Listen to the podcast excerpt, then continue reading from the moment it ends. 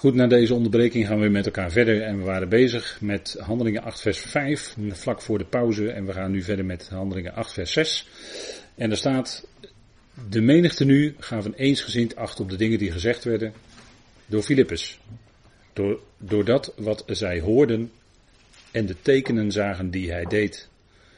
Dat gaf veel verwondering. Ze gaven acht op dat woord, maar het ging ook gepaard met tekenen. Er werden mensen genezen. Er gebeurden wonderlijke dingen door de handen van Filippus. En daardoor gaven zij daar, sloegen zij er acht op. En dat wekte ook geloof. Dat was een heel wonderlijk gebeuren. En zo zien we dat het evangelie, zoals dat ook in Jezaja 35, dat lezen we ook in vers 7, hè, wat er gebeurde toen, handelingen 8 vers 7. En dan zie je eigenlijk Jezaja 35, wat daar gezegd wordt over het koninkrijk, dat in de toekomst zou doorbreken. En het zou gepaard gaan met dat de lammen zouden lopen, dat de blinden weer zouden zien. En dat gebeurde ook door de handen van de apostelen. Vers 7, handelingen 8 vers 7, zegt, want velen die onreine geesten hadden, kwamen uit, roepend met luide stem. En velen die verlamd waren, en lammen werden genezen. Genezingen, lichamelijke genezing, vond plaats in die tijd. Dat waren tekenen die het evangelie van het koninkrijk begeleiden. Zo was het ook bij Johannes de Doper geweest. Die verkondigde ook, nabij is het koninkrijk der hemelen. Jezus zelf, de Heer Jezus zelf verkondigde, nabij is het koninkrijk der hemelen. En het ging gepaard met tekenen en wonderen. Allen die tot de Heer kwamen, die genas hij. Lees je in het begin. Later lees je dat hij niet kon genezen, dat hij geen krachten kon doen, omdat daar ongeloof was. Dan zie je alweer een teruggang, om het zo maar te zeggen. En hij verdreef ook onreine geesten door het woord wat hij sprak. Zo gingen er uit legio, weet u wel, 2000 of in 2000 varkens die zich, of zwijnen die zich dan van de steilte afstorten. Maar dat waren onreine geesten, dat waren demonen. En demonen die willen altijd bezit nemen van een mens of van een dier of van soms in een voorwerp. Ze kunnen overal in zitten, maar ze zoeken iets of iemand om zich in te kunnen nestelen. En dit was heel tekenend. Onreine geesten kwamen uit. Ze kwamen uit. En dat kwam door de kracht die daar werkzaam was. Filippus sprak. Hij sprak dat woord. En het woord had in zich die geest werd gedreven door Heilige Geest. En zo werden de onreine geesten verdreven. He, dat staat natuurlijk tegenover elkaar. Onreine geesten tegenover Heilige Geest. Heilige Geest verdrijft onreine geesten. En het punt is dat als we, als we het hebben over het verdrijven van onreine geesten, dat gebeurt hier, dan weet je eigenlijk al, en dat zullen we in handelingen ook vaker gaan zien, dan weet je eigenlijk dat daar vanuit de geestelijke wereld reactie op komt. En dat gebeurt hier ook in Handelingen 8. En dat is altijd als het woord gesproken wordt, als het woord doorbreekt, als dat evangelie doorbreekt, en dat is ook in onze tijd zo als het gaat om het evangelie van Paulus, als dat doorbreekt, dan komt daar onherroepelijk reactie van de andere kant, hoe dan ook. En, en, als, als u momenten hebt dat je, dat je meemaakt van dat woord gaat door, en mensen vinden het fijn, je krijgt positieve reacties, het, het, woord lijkt hier en daar verder te gaan, dan ben ik altijd op mijn hoede, want dan gaat er weer iets komen. En dat is vrijwel altijd het geval. Het is altijd goed om, om daarop alert te zijn omdat het woord breekt door, mensenlevens veranderen en dan gaat de andere kant, om het zo maar te zeggen, u begrijpt wat ik bedoel, de andere kant gaat dan ook reageren. Hoe dan ook. En op welke manier dan ook. En uh, u heeft het misschien me wel vaker horen zeggen in de loop van de studies, dat als dat, dat woord van God, als dat gesproken wordt, vanuit de schrift zelf, want daar gaat het om. Het gaat niet om wat ik vind, maar het gaat om wat de schrift zegt. En als dat klinkt, dan komt daar onherroepelijk tegenwerking op. Strijd dus. En dat is altijd. Dat, als, je, als je handelingen leest en je leest het leven van de apostel Paulus en zijn medewerkers. Met die verkondiging van het woord. Er is altijd, is er op een of andere manier, is er strijd. Er gebeurt altijd iets. En hier ook. De onreine geesten kwamen uit. Ze werden verdreven. En dat, dat, dat gebeurt niet in uh, genezingssamenkomsten waarbij dan handen worden opgelegd en waarbij dan duivels of demonen worden uitgedreven. Zo niet. Nee, het gebeurt door het woord, door het spreken van dat woord. En, en die twee dingen die verdragen elkaar niet. Als de Heer Jezus Christus gepredikt wordt, dan moeten demonen wijken. En andersom, als jij, dat is, dat is natuurlijk wel de andere kant. Hè? Als jij uh, ruimte geeft in jouw leven aan, aan zulke geesten, hè, of je gaat, dat, je gaat dat toelaten in je leven, ja, dan krijgen ze ook de kans. Maar dan laat jij het toe. Hè, dat uh, uh, in, in begin vorige eeuw kreeg het spiritisme bijvoorbeeld grote ingang in Nederland door, door toedoen van, ja, ik kan niet anders zeggen, een predikant, dominee Beversluis was dat. Ik kan de naam gewoon noemen, want zo was het. Spiritisme. En kijk, dat, dat heeft natuurlijk ook wel een kant van. Als dus geleerd wordt dat dood niet echt dood is, zoals we in de, voor de pauze met elkaar hebben, heb ik dat met u even die bekende waarheid besproken. Uh, kijk, als, als, um, als je niet leert dat dood gewoon dood is en dat er in de dood geen bewustzijn is, ja, dan valt er ook niks op te roepen. Dan heb je helemaal geen ruimte voor spiritisme natuurlijk. Omdat je dan weet van ja, maar als ik wat ga oproepen. En dat, dat werd, uh, tientallen jaren geleden werd dat heel populair op scholen, middelbare scholen. Ouija-bord en dan de, de dode raadplegen, weet ik wat allemaal. Hè, allemaal toestanden. En, uh, maar dat laat wel sporen na in je leven, daarom vertel ik dat. Kijk, je kan wel zeggen, ja, is een onschuldig spelletje, daar ben ik mee bezig geweest. Laat sporen na in je leven onherroepelijk.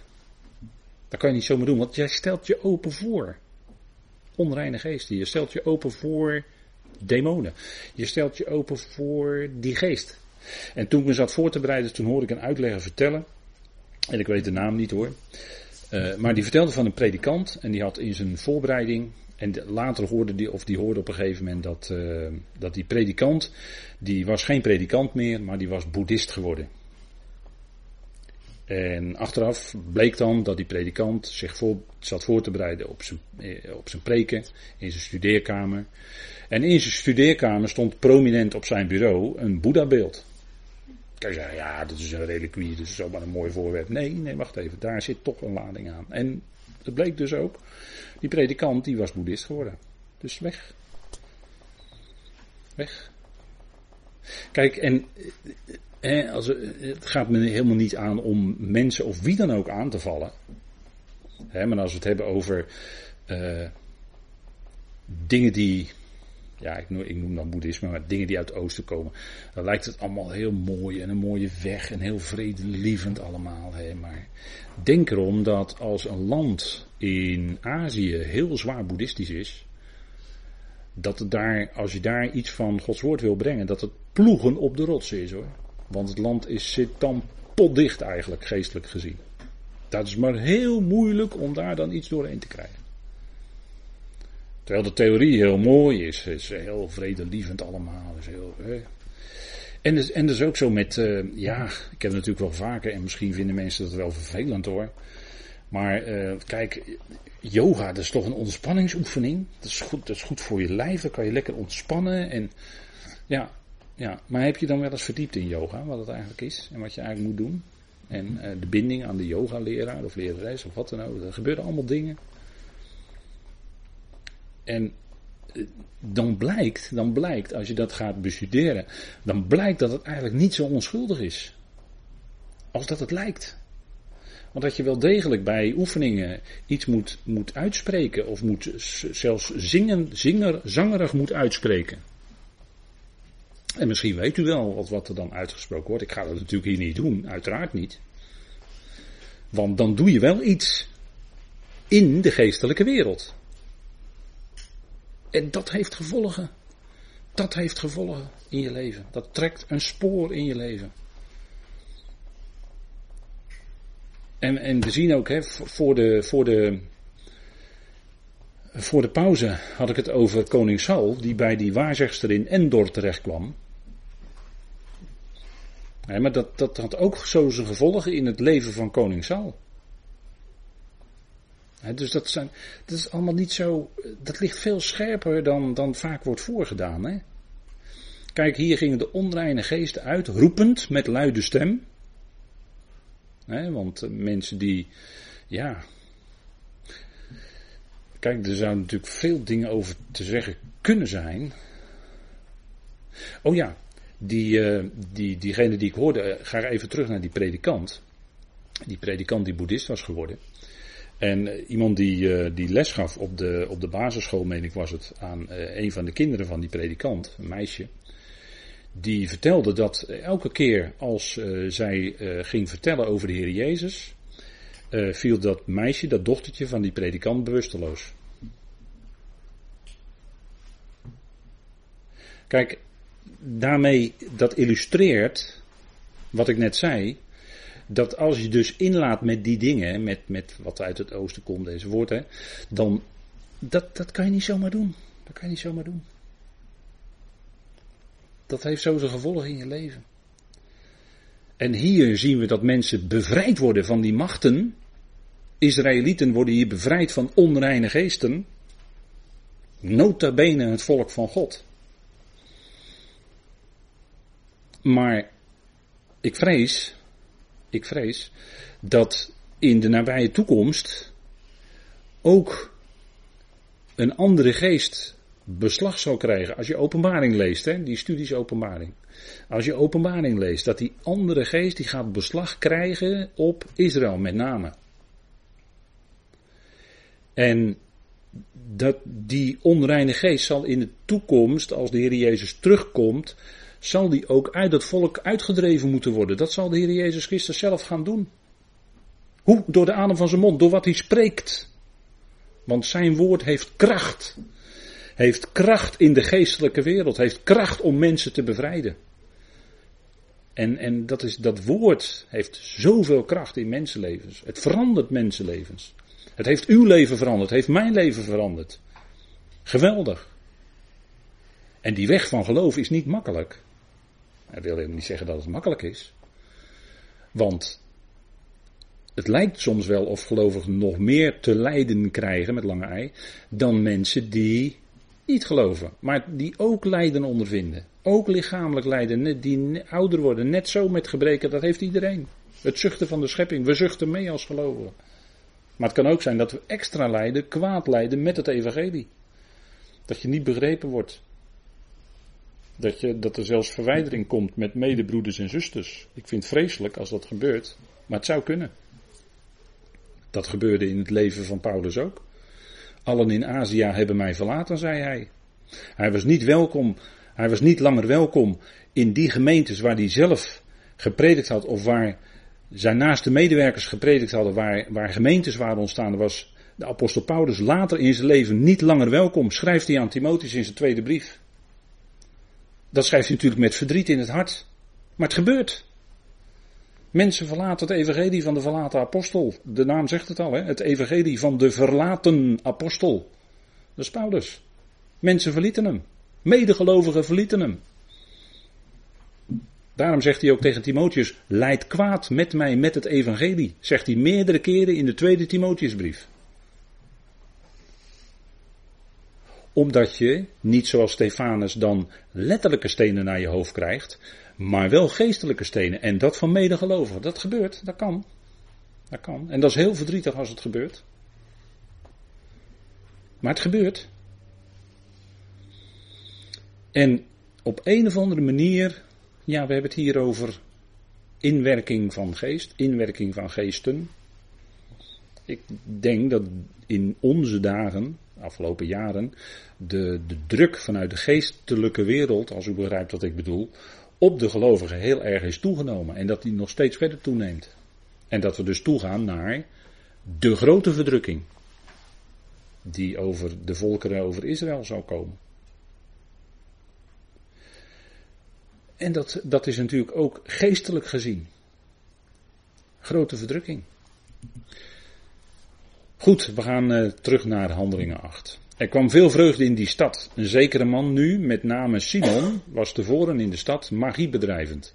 En de natie van Samaria was ontsteld. En hij zei zelf, en hij zei dat hij zelf groot was. Mega, vond hij zichzelf. En hier zien we, kijk, hier komt gelijk dus die andere kant naar voren. Hè? Vorige vers lazen we, de onreine geesten werden verdreven. En, daar blijkt, dat een zekere Simon daar is. En die bedreef magie. In de vertalingen wordt vaak zwarte kunst. Maar ik wilde toch even. Er staat, in het, staat hier een algemeen woord, dat betekent magie bedrijven. Er wordt niet gesproken over zwart of wit. En noem ik al twee dingen. Want je hebt uh, witte magie. Daar zijn uh, bijvoorbeeld uh, mensen die erg behept zijn met de natuurgod, met de natuur, hè, heksen en zo. En dat, die zijn bezig met de witte magie.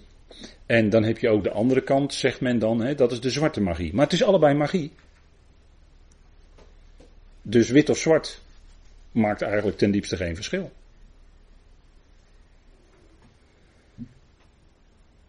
Maar hij bedreef magie.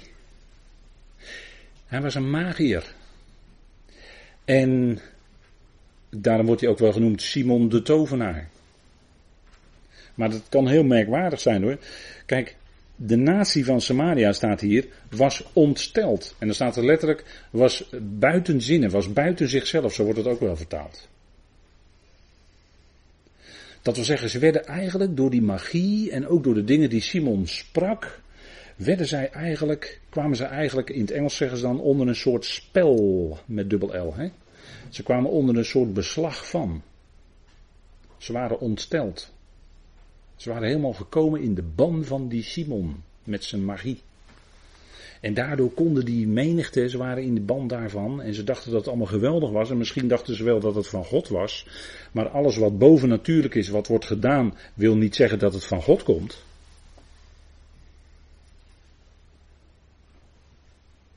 Dat zie je ook in de, in de christelijke wereld, daarom zeg ik dat. Dat, dat mensen in christelijke groeperingen uh, het geweldig vinden, want ze zijn bezig met bovennatuurlijke zaken, dan denk ik, wat bedoel je nou eigenlijk? Bovennatuurlijke dingen, wat bedoel je nou? Als ik dat lees, als ik dat hoor, dan denk ik, wat bedoel je nou eigenlijk? Wij hebben de schriften. En dat is waar Gods geest doorheen werkt. En allerlei bovennatuurlijke dingen, uh, dan kun je weekenden boeken waarin je allerlei bovennatuurlijke dingen kan meemaken. Ik ben daar erg huiverig voor.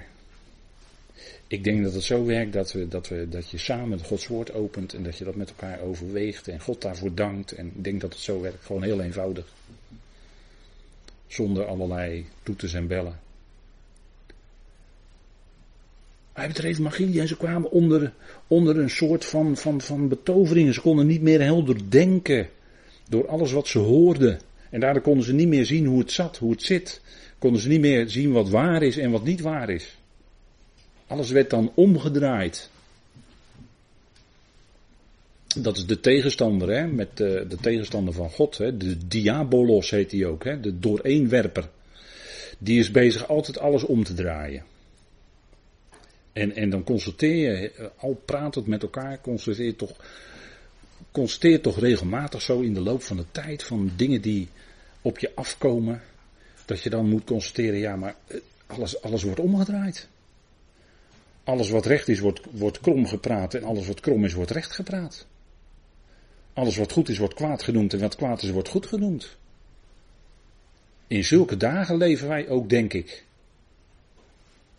want uh, kijk, Johannes zegt toch, en, en uh, Johannes spreekt natuurlijk nog specifieker met het oog op de dagen die komen als wij weg zijn, natuurlijk. Maar als Johannes zegt in zijn eerste brief, de hele wereld ligt in het boze. En Paulus zegt in 2 Korinthe 4 dat de tegenstander de God is, kleine letter graag, hè, kleine letter. De God is van deze Aion. De God is van deze Aion, de tegenstander, die zich voordoet als een boodschapper van het licht dan denk ik dat je als gelovige toch een beetje uit moet kijken hier en daar. En eh, dan kan het wel eens heel scherp liggen. En ik denk dat het vaak zo is, dat het heel scherp ligt. Dat er uh, grijze gebieden, ik, ik weet het niet. Ik weet het niet. Ik vraag me dat af. En, en hier ook, hè, hier heb je dan zo'n iemand die bovennatuurlijke dingen doet. En hij, Samaritanen kwamen helemaal onder het beslag daarvan. En, en gaat nog verder, hè. En op, allen, en op wie allen van klein tot groot acht gaven. En die zei, deze man is de kracht van God, die groot genoemd wordt. Ze, ze vereerden hem zelfs. En ik kwam in een commentaar tegen dat, dat hij daarin eigenlijk al een voorafschaduwing is, zou je kunnen zeggen, van de wetteloze. Hè? Die zich straks in de tempel van God zal zetten en aan zich laten, eh, zal zich laten aanbidden als was hij een God. Zegt Paulus in 2 Thessalonicense 2. Dat, dat, gaat, dat gaat gebeuren. Hè? Die wetteloze zal daar in Jeruzalem zich zetten in die tempel van God. Dat gaat allemaal gebeuren. En dan zullen de mensen ook zeggen, hij is groot, want hij heeft de oplossingen. Hij heeft, hij heeft de oplossing voor alle grote wereldproblemen. En noem alles maar op. Ze zullen hem aanbidden. En uiteindelijk wordt het ook dan verplicht, hè? Dan wordt het verplicht. Verplicht het beest aanbidden of het beeld van het beest. En zo niet, zeker als je Jood bent, dan ga je eraan. Die, die tijd, dat, dat, dat wens ik niet voor Israël, maar dat lees ik wel in de schrift. Die tijd gaat komen. En, en eigenlijk is die Simon, hè, eigenlijk zijn naam zegt de horende, hè, hij zou eigenlijk moeten horen naar die woorden van God natuurlijk. En die hoorde hij ook door Filippus. Maar die Simon die bleek, ja.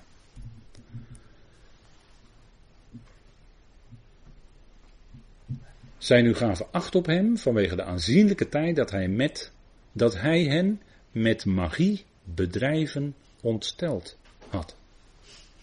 Dus wat hij deed, en ik ben ervan overtuigd ook wat hij zei daarbij, dat bracht die menigte, dat brachten die mensen daar onder een bepaald beslag. En ze konden niet helder meer denken. En dan zegt u, ja, ze, ze werden in de leugen gebracht. Ja, dat, zo kan je het ook zeggen. Ja, als u dat zegt, dan zeg ik, ja, ja, oké, ja. En daardoor waren ze buiten zichzelf. Die mensen waren dus zichzelf niet meer. Ze konden niet meer nuchter helder nadenken. Het leek wel of hun gezonde verstand uitgeschakeld was en niet meer nuchter kon zijn.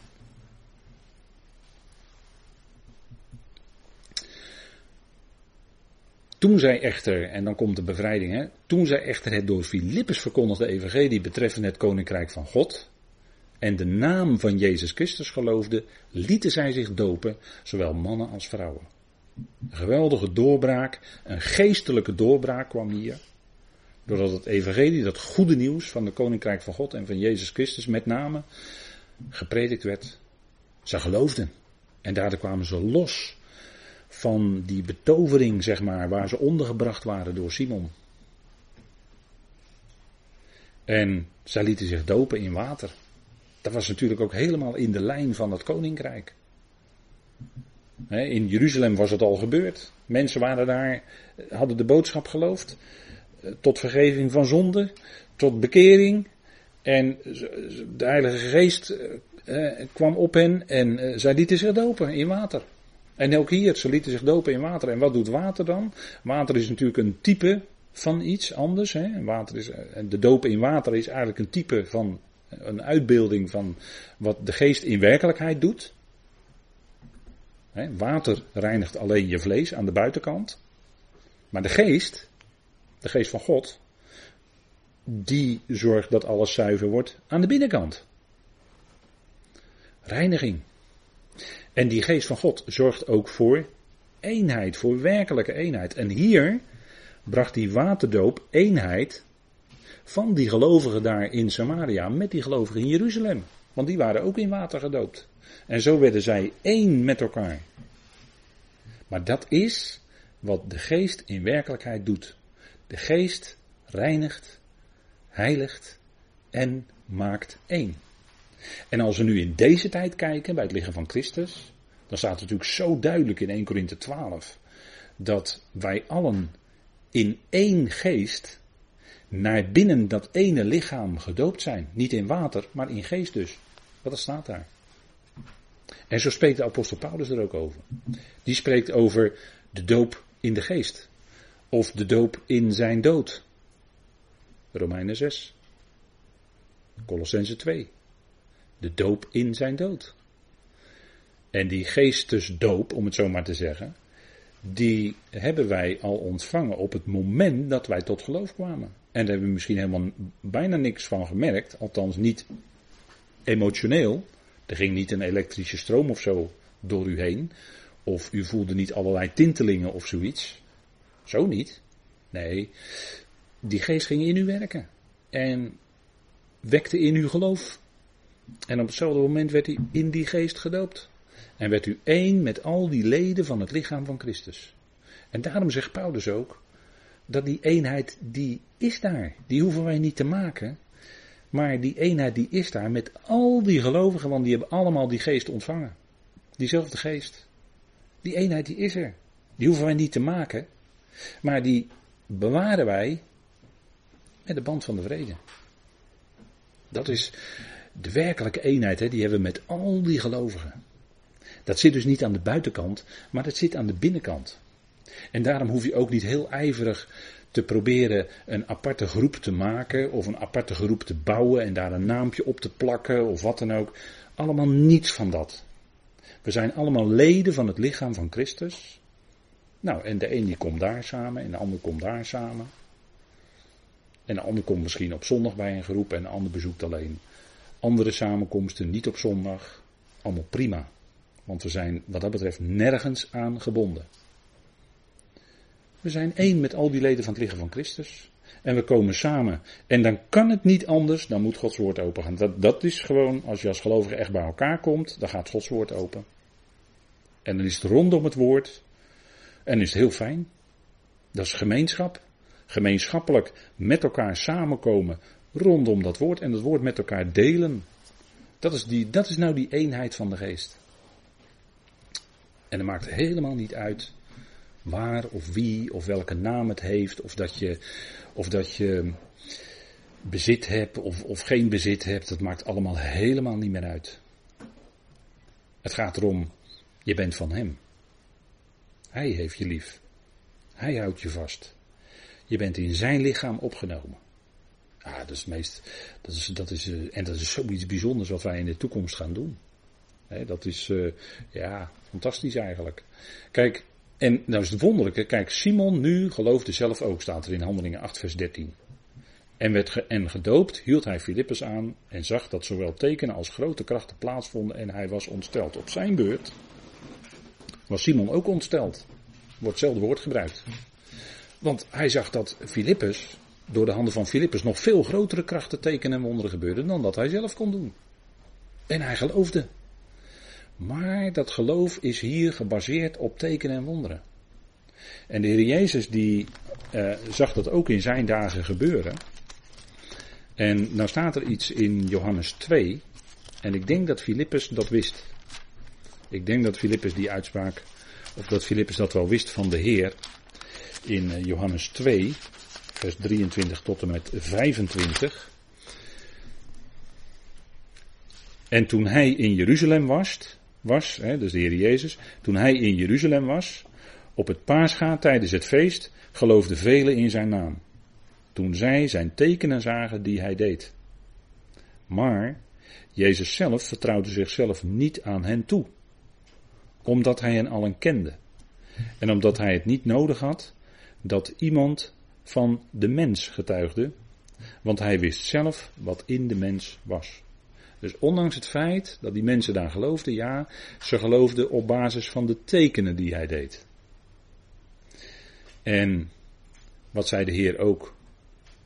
Gelukkig zijn zij die niet zien en toch geloven. Kijk, zij zagen de tekenen. En dat was ook bij Joodse mensen aanwezig, die verlangden naar een teken. Maar de manier waarop wij geloven vandaag is dat woord en wij zien geen tekenen en wonderen gebeuren. Wij gaan niet podia opzetten opdat daar mensen naartoe komen en dan lichamelijke genezing vinden. Want in zulke samenkomsten gebeurt geen lichamelijke genezing. Maar wat we wel kunnen doen is eenvoudig met elkaar dat woord delen. En dat horen wij. En God geeft geloof. God geeft de groei. We zijn daarin volkomen afhankelijk van God. En Paulus zegt toch in, in die tweede Korinthebrief, zegt Paulus toch, wij, wij wandelen in geloof, niet in aanschouwen. Dus wij baseren ons geloof niet op tekenen en wonderen. Want dat is de ene dag, ja, is het geweldig. En de volgende dag zijn er geen tekenen en wonderen meer. En is het geloof ook ineens weg. Nee, punt is, we vertrouwen God. We vertrouwen op wat Hij zegt. Want dat zijn woorden die waar zijn, die beklijven. Daar kun je je leven op bouwen. Je kan God vertrouwen. Want wie op Hem gelooft, zal niet beschaamd uitkomen. Het Evangelie maakt jou niet beschaamd, zegt Paulus in Romeinen 1. Het goede nieuws is een kracht van God tot redding. In deze tijd. Wat? Het evangelie. Het evangelie van God aangaande zijn zoon Jezus Christus onze Heer. Dat is een kracht van God tot redding. En dat klinkt in deze tijd. En dat geeft in mensen werkelijk vrede, vreugde, grond onder je voeten, een uitzicht, een toekomst, heerlijkheid. Dat is wat het woord doet. En tekenen en wonderen, ja, dat, is voor, dat is nou eenmaal voor een andere tijd bedoeld. Dat is niet voor nu. En binnenkort als wij weg zijn, gaat de evangelie van het koninkrijk weer lopen. En dan krijg je weer tekenen en wonderen die dan door de gelovigen dan gebeuren. Dat, dat zal dan God weer doen. Maar het zal een hele verwarrende tijd zijn, want in, in die toekomst zal ook de wetteloze, Paulus 2 Thessalonicense 2, hè, zal ook diens wetteloze, dienstkomstaten, dienstaanwezigheid, is ook met bedriegelijke tekenen en wonderen. Want de tegenstander kan ook tekenen en wonderen doen. De tegenstander kan ook zelfs mensen genezen. Totdat de spel verbroken wordt. En dan kan het ineens zijn dat de klachten weer helemaal terug zijn, de lichamelijke klachten. Ja, dat kan. Dat kan. Dat gebeurt. Maar daarom is het zo wezenlijk om wat wij mogen geloven met elkaar. Dat geweldige woord van God. Dat geweldige evangelie van de genade wat nu klinkt is niet gebaseerd op wat wij met onze oogjes waarnemen of wat we kunnen voelen of wat we kunnen. Nee, het gaat om wat wij horen en dat wekt geloof in ons hart. En daar mogen we God voor danken. Zullen we dat met elkaar doen? Vader, we danken u dat we ook vanavond een moment stil konden staan bij dat woord van u. Hoe dat in handelingen ging en we zien dat al wat geschreven is ons tot lering en onderricht geschreven is. Tot opvoeding, en het laat ons zien hoe de geestelijke principes werken. Dank u wel, Vader, dat we steeds meer als mensen die dat woord mogen horen, als geestelijke mensen naar de dingen mogen kijken om ons heen en dat waarnemen en proeven, ontdekken wat waar is, toetsen aan de schrift. We danken u, Vader, dat u ons zoveel heerlijkheid heeft gegeven. En dat die heerlijkheid voor ons ook straks lijfelijk zal zijn waar we naartoe leven. Dank u wel, Vader, voor de dingen die we uit dit stukje van Handelingen 8 mochten bespreken met elkaar. Vader, het is uw geest die andere geest verdrijft, die bevrijdt, die werkelijke blijvende vreugde in het hart geeft. We danken u voor die genade waarin we mogen leven. We danken u voor die heerlijkheid van uw woord, de heerlijkheid van uw zoon. We danken u dat we daardoor steeds weer opgebouwd worden en bemoedigd. En dank u wel dat u ons zo dit moment gaf. Dat we dat woord met elkaar mogen delen. En dat we dat doen. Vader, ook op afstand kan dat tegenwoordig met de moderne middelen die wij hebben. We danken u daarvoor. We danken u dat u ons elke keer weer aanspreekt en dat we mogen beseffen dat u met ons meegaat ook de komende dagen. We zijn elke dag weer in uw hand. En niets kan ons overkomen. Vader, wat niet uiteindelijk past in uw plan en wat niet meewerkt tot wat goed is. Nee, Vader, u doet alles in ons leven samenwerken tot wat goed is. Dank u wel dat u troost en bemoedigt en dat u, Heer, nabij bent.